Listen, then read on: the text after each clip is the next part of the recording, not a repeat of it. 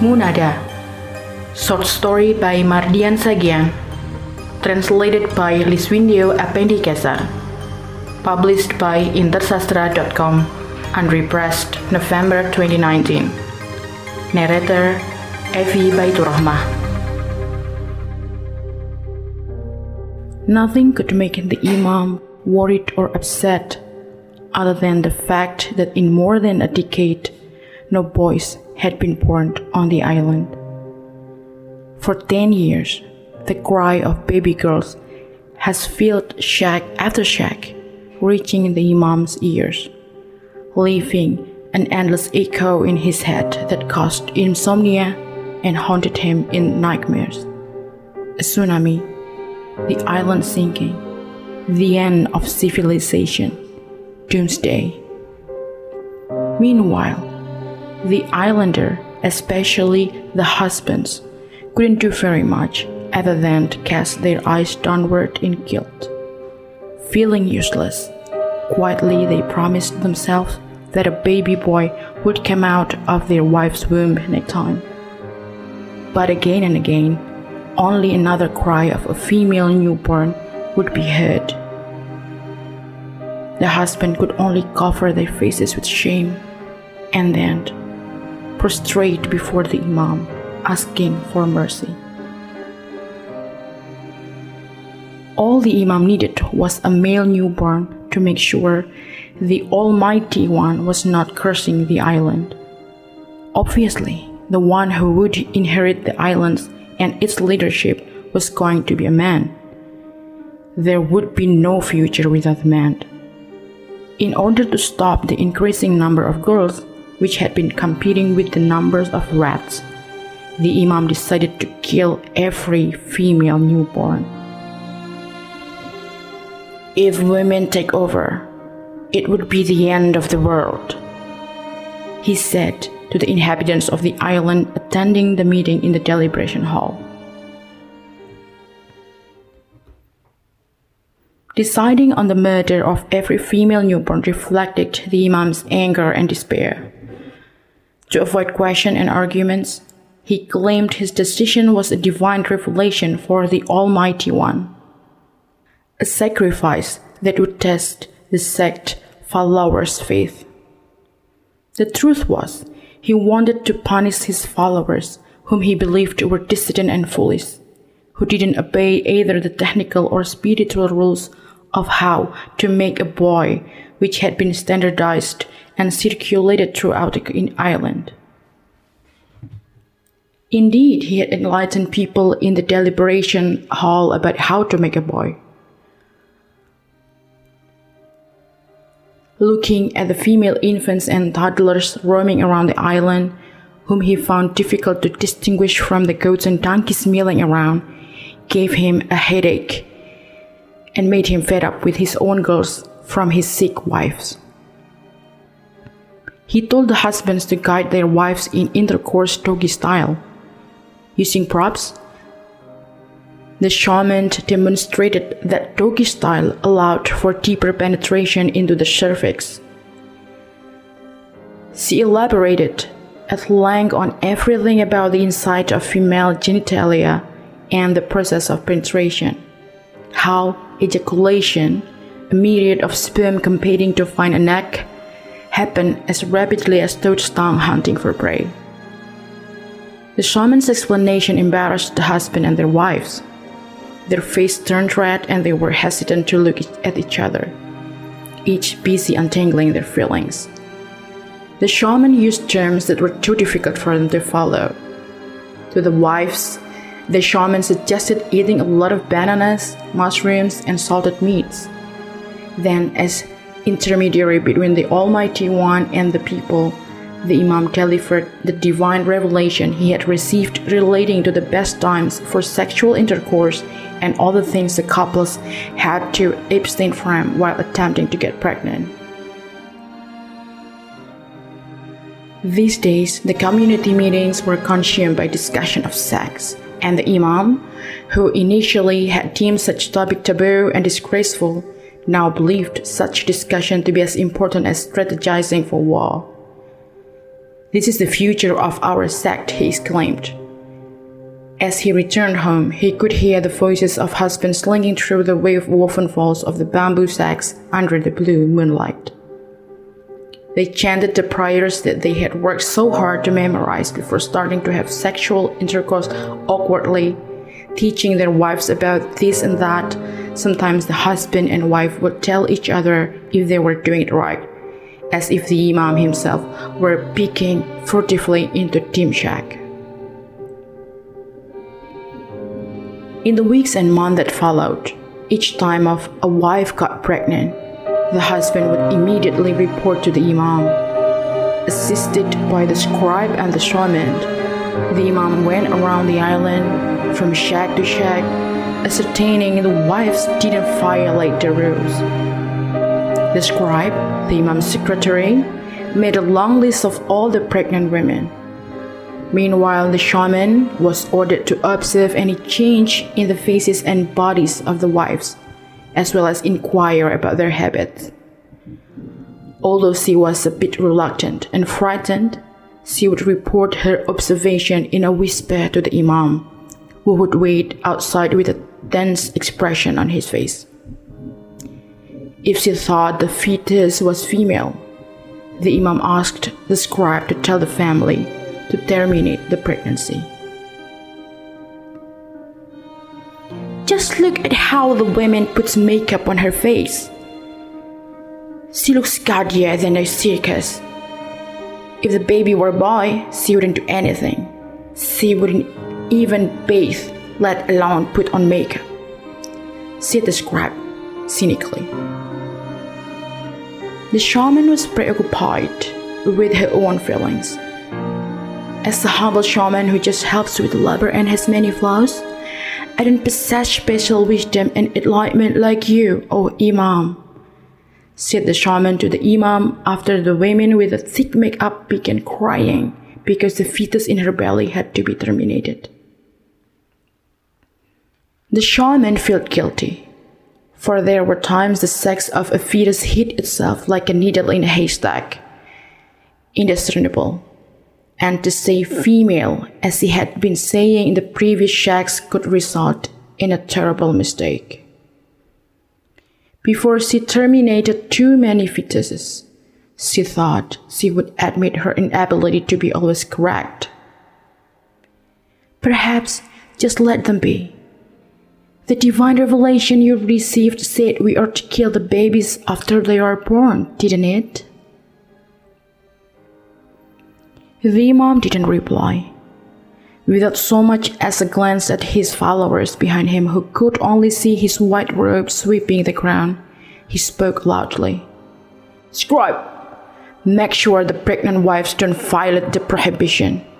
I will come back when the babies are born. The shaman was relieved. Whenever a baby was born in one of shacks, the Imam and two of his loyal companions would head there. The first time, he waited outside of the shack with the scribe, trying to kill anxiety and time by making conversation with the husband. The neighbors were present among them also as well, chanting prayers to the Almighty One. String music instrument and drums accompanied all the chants, muffling the groans and scream coming from the shacks. A cry rose. The music and prayer chanting slowed. Everyone waited for the shaman's head to peer out from the shack's doorway. It is a girl. The Imam clenched his jaw, squinted, and his ears turned red.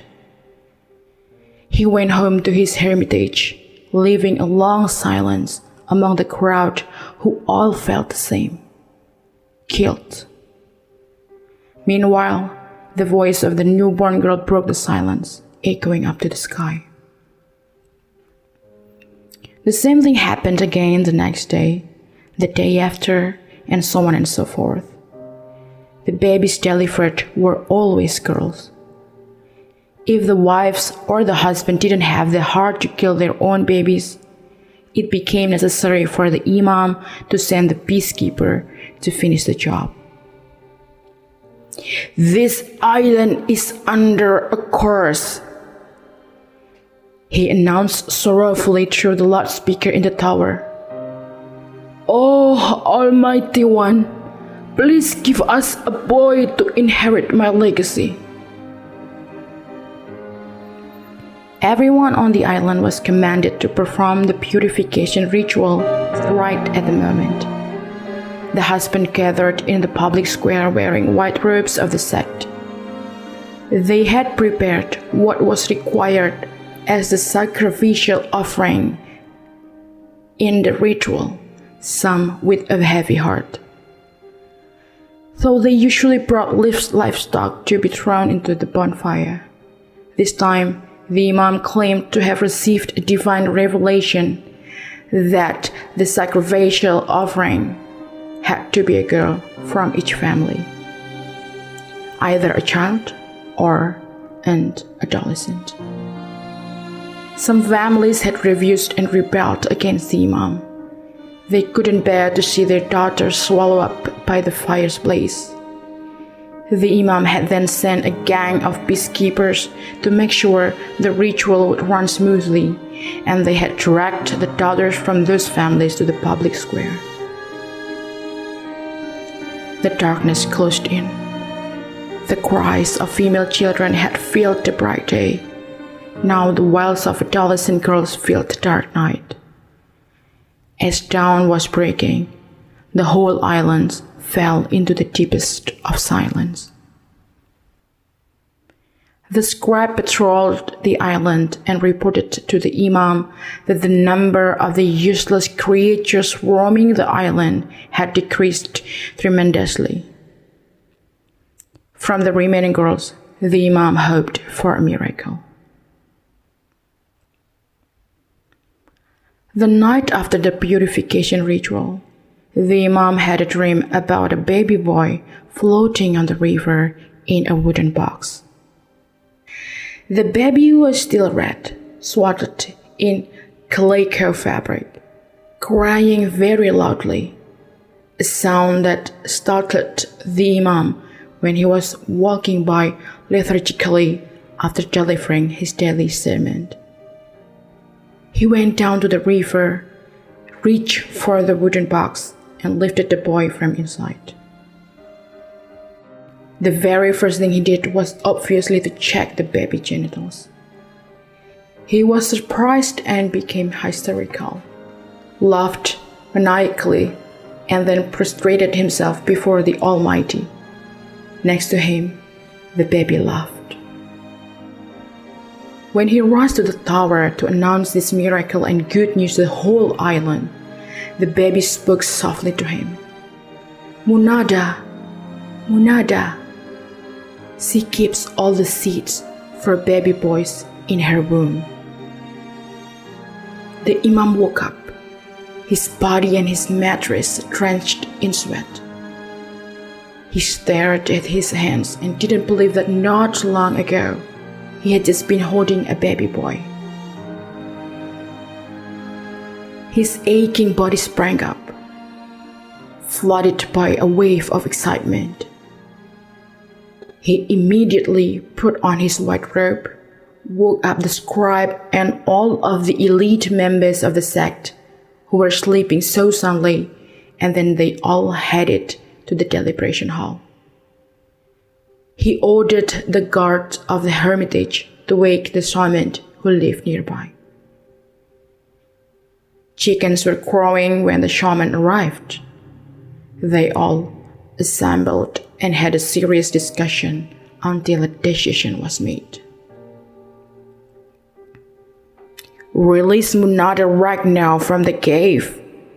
Take off her shackles and let her marry whichever man she wants. Munada had not seen daylight for ten years. Her feet had been chained, and her only friends had been bats and snakes. And a guard that never once spoke to her, but threw her whatever she might be able to eat so she wouldn't die. She was locked in a cave in the middle of the island's forest. She had been charged for planning the murder of the Imam's only son. Munada blinked and rubbed her eyes. The first glimpse of daylight after such a long time toward her vision. The Imam and a crowd of his followers observed her from only a few steps away, studying her demon like figure. Her body, just bone covered in pale, filthy skin, gave off a foul odor. Her hair was dissolved, tangled, and fell down to her knees.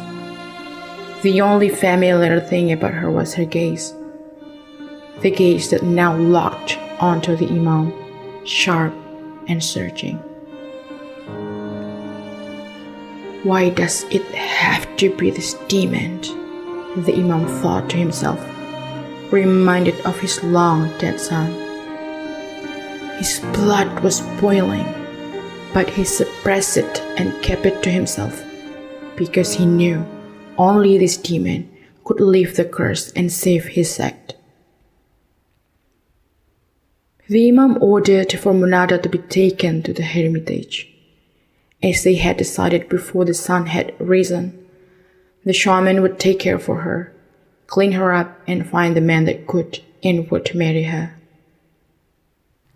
In the shaman's dwelling, Munada was treated very gently and respectfully.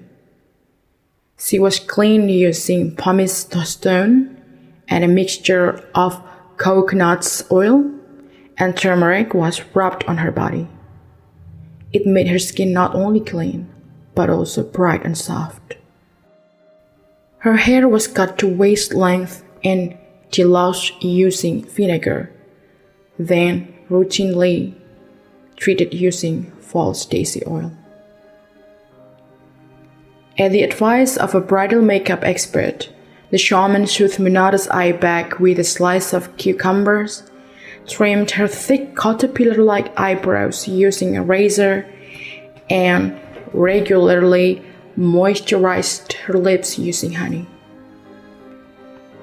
In order to get her to gain some weight, the shaman provided food usually only served to the family of the imam and elite members of the sect. Five months later, as the shaman had promised the imam, Munada returned to her previous state, the most beautiful woman on the island. However, for the whole five months, not one sound was ever heard from Munada's lips. We have returned her body to her, but not her soul, said the shaman, looking a bit gloomy. All the residents of the island knew of Munada resurrection. Yes, resurrection. People called it that because since her whole family had been executed for murdering the son of the Imam, everyone had assumed her dead as well. The entire family of fishermen was gone, leaving behind only their shack by the seashore. The islanders had spread the story as if it were folklore from one mouth to another, and it had given birth to various versions. But every version shared the same basic plot. Rizjat, the only son of the Imam, fell in love with Munada, and his feelings were reciprocated. The Imam, however, had issued a fatwa that dating was forbidden, and additionally, it was expected for men and women to be married immediately. But Arijat and Munada were still very young. This meant their affection for each other had to be developed in secret, hidden from their respective parents. They were a pair of lovers that were learning to love their romance was a burning flame in their bodies and souls. One day, the whole island was shocked by the news of Munada's pregnancy. Munada's father, a poor fisherman with a strong sense of pride, knew that Munada only went out at night with Rizjad. Before the news could hurt his dignity even further, he visited the Imam in the hermitage. He was confident the Imam would hear him out.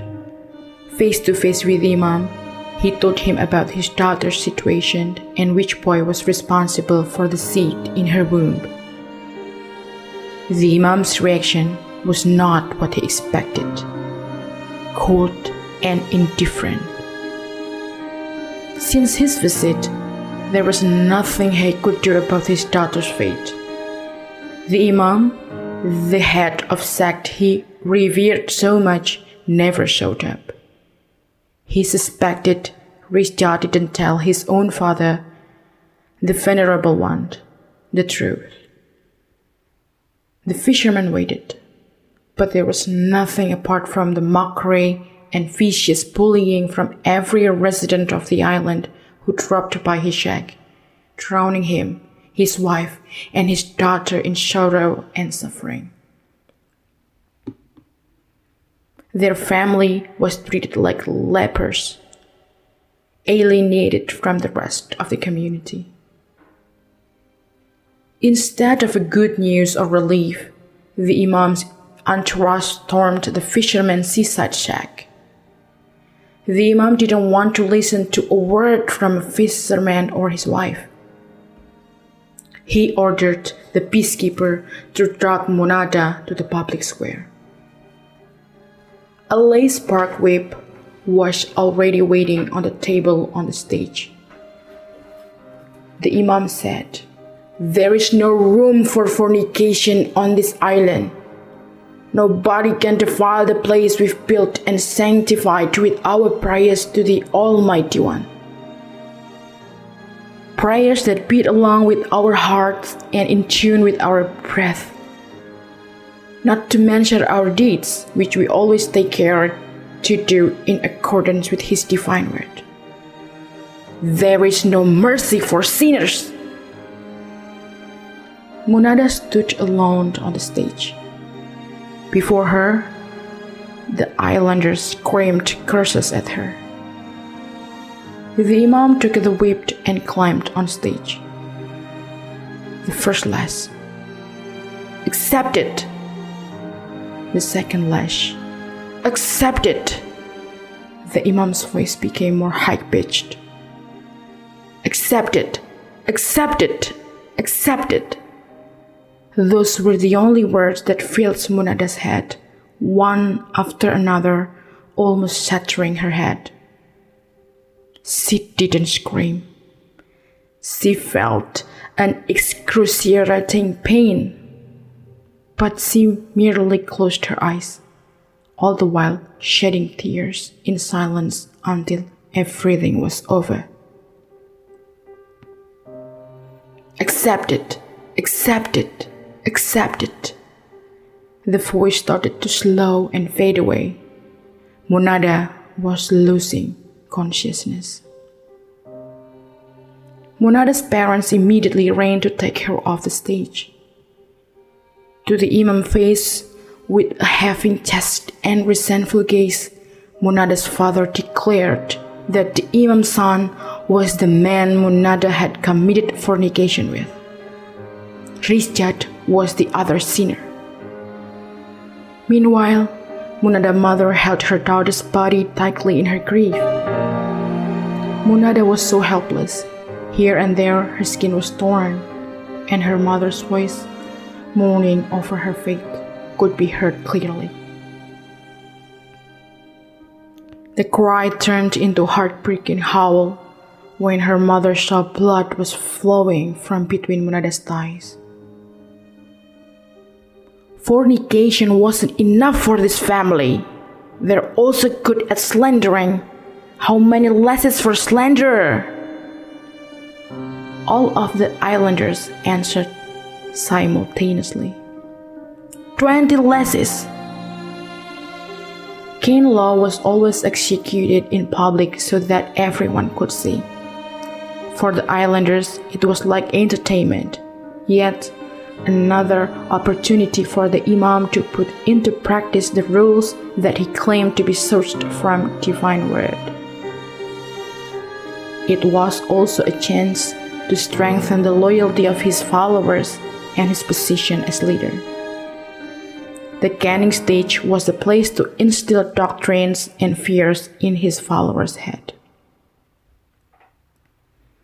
The story of the fisherman's family had yet to end. The whip had not only wounded their bodies, but also their souls. They planned to move from the island, return to the faraway land across the sea, the misguided world. That's what the Imam called it the first time he, along with his followers, had arrived on the uninhabited island. Before leaving the island, however, the fisherman had another plan. He would kill the Imam. He sneaked out to the Imam's house carrying a dagger that he always took fishing. As he headed to the Imam's personal chamber, he was caught red handed by Rizjat.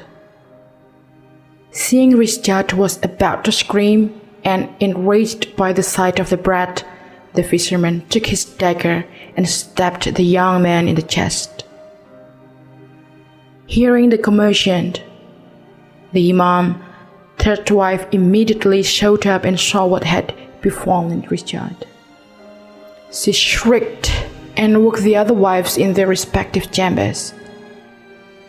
The poor fisherman couldn't escape. Instead, he turned himself in, feeling satisfied and triumphant after seeing the Imam show up, creeping his own chest, staggering backward. His wives kept him from falling. That night, the fisherman was beheaded in the public square. Meanwhile, in the fisherman's shack, Munada and her mother watched the Imam's entourage coming closer. Munada saw her father's head swinging in the Imam's hand. Her mother told her to quickly run away through the back door. Munada couldn't move freely yet because she was still in pain. She ran very slowly and sometimes paused to look back at the house. She could see her mother taking a spear that was leaning against the kitchen wall. But what can a spear do in this situation? Oh, my weak mother, Munada thought in tears. She then heard the voice of her mother fighting back and others' voice chiming in. A scream, helplessness, death. Munada couldn't run anymore. She leaned against a coconut tree, roaring in anguish until some hands took hold of her body and dragged her away. When she regained consciousness, she was in a dark, damp cave full of snakes and bats. Every man on the island was assembled in the public square, their wives being unwilling to let them go, knowing one of the men would marry Munada. Their mouths claimed they were ready for polygamy, but their hearts protested. Only a little bit, but still. The Imam, along with his sick wives and the other elites of the sect, sat on the stage. Soon they would find out who was the father to be of the sect's male heir as well as the next Imam. Munada alighted from a pedicab, led by the shaman. All men of the island who were initially hesitant to attend were now extremely excited upon seeing her beauty. The rumor was true. From a cave demon, Munada had been transformed into flawless angelic women. Her shapely, slender body walked elegantly. The movement of her white hips enchanted every man who saw them. Their heads were now filled with thousands of fantasies as each of them prayed to be Munada's lucky chosen one. Munada ascended some steps and sat on a throne specially prepared for her at the foot of the stage, her back facing the Imam. She looked like a queen before her troops. When the shamans whispered loudly, telling her what she should do, choose, just choose, Munada didn't show any interest. Silence. Everybody was waiting. Munada stood up. She turned around, lifted one of her hands, and pointed to the Imam. From the window of her chamber, Munada felt pity as she watched ecstatic faces of the island residents when the news of her pregnancy spread like wildfire devouring dry grass. She sneered silently, seeing the Imam act as if he were young again, and the difficulty he had concentrating when he preached a sermon, daydreaming about the bright future of the sect and the island. Munada's heart trembled in anger, seeing the upset faces of the women who had lost their daughters. Her tears fell as she remembered her own loss due to the torture she had endured. The death of her father, beheaded in the public square, and her mother speared in their own home. There must be a reason why I'm still alive after years of being locked up in the cave, she thought resentfully. She looked at the blue sky from the window of her room certain that there is still hope. And firmly, she held on to her determination. I will break this island curse in my own way.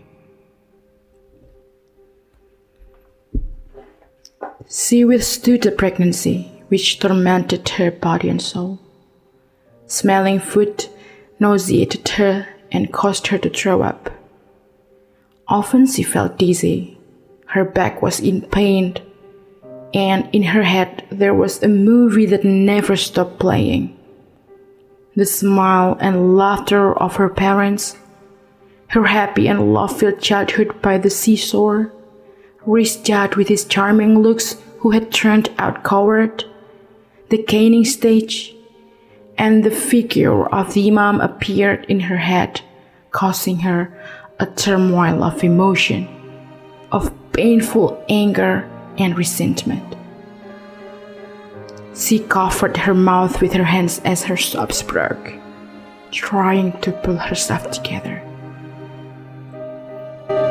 When the Imam expressed his worry that Munada's silence might affect the growth of the fetus, Munada felt a little victory in her hands. The shaman, who routinely checked up on her pregnancy, always tried persuading her to talk, but Munada held firm and she only looked away. Eventually, the shaman could only suggest her this and prohibit her that. Avoid unripe pineapple. It could kill your soon to be born son. Also, pepper. In the sixth month of her pregnancy, Munada was taken to a more luxurious new place for her to live. She knew it. It was a trick by the Imam to dispel her silence and gloom.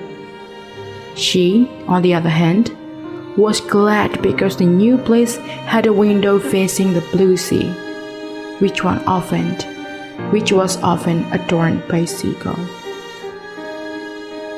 From that spot, she could also see the shack where she used to live with her family.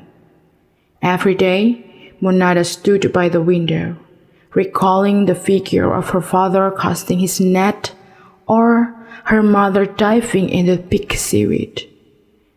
All the while, observing the schedule, placement, and habits of the peacekeepers guarding her place.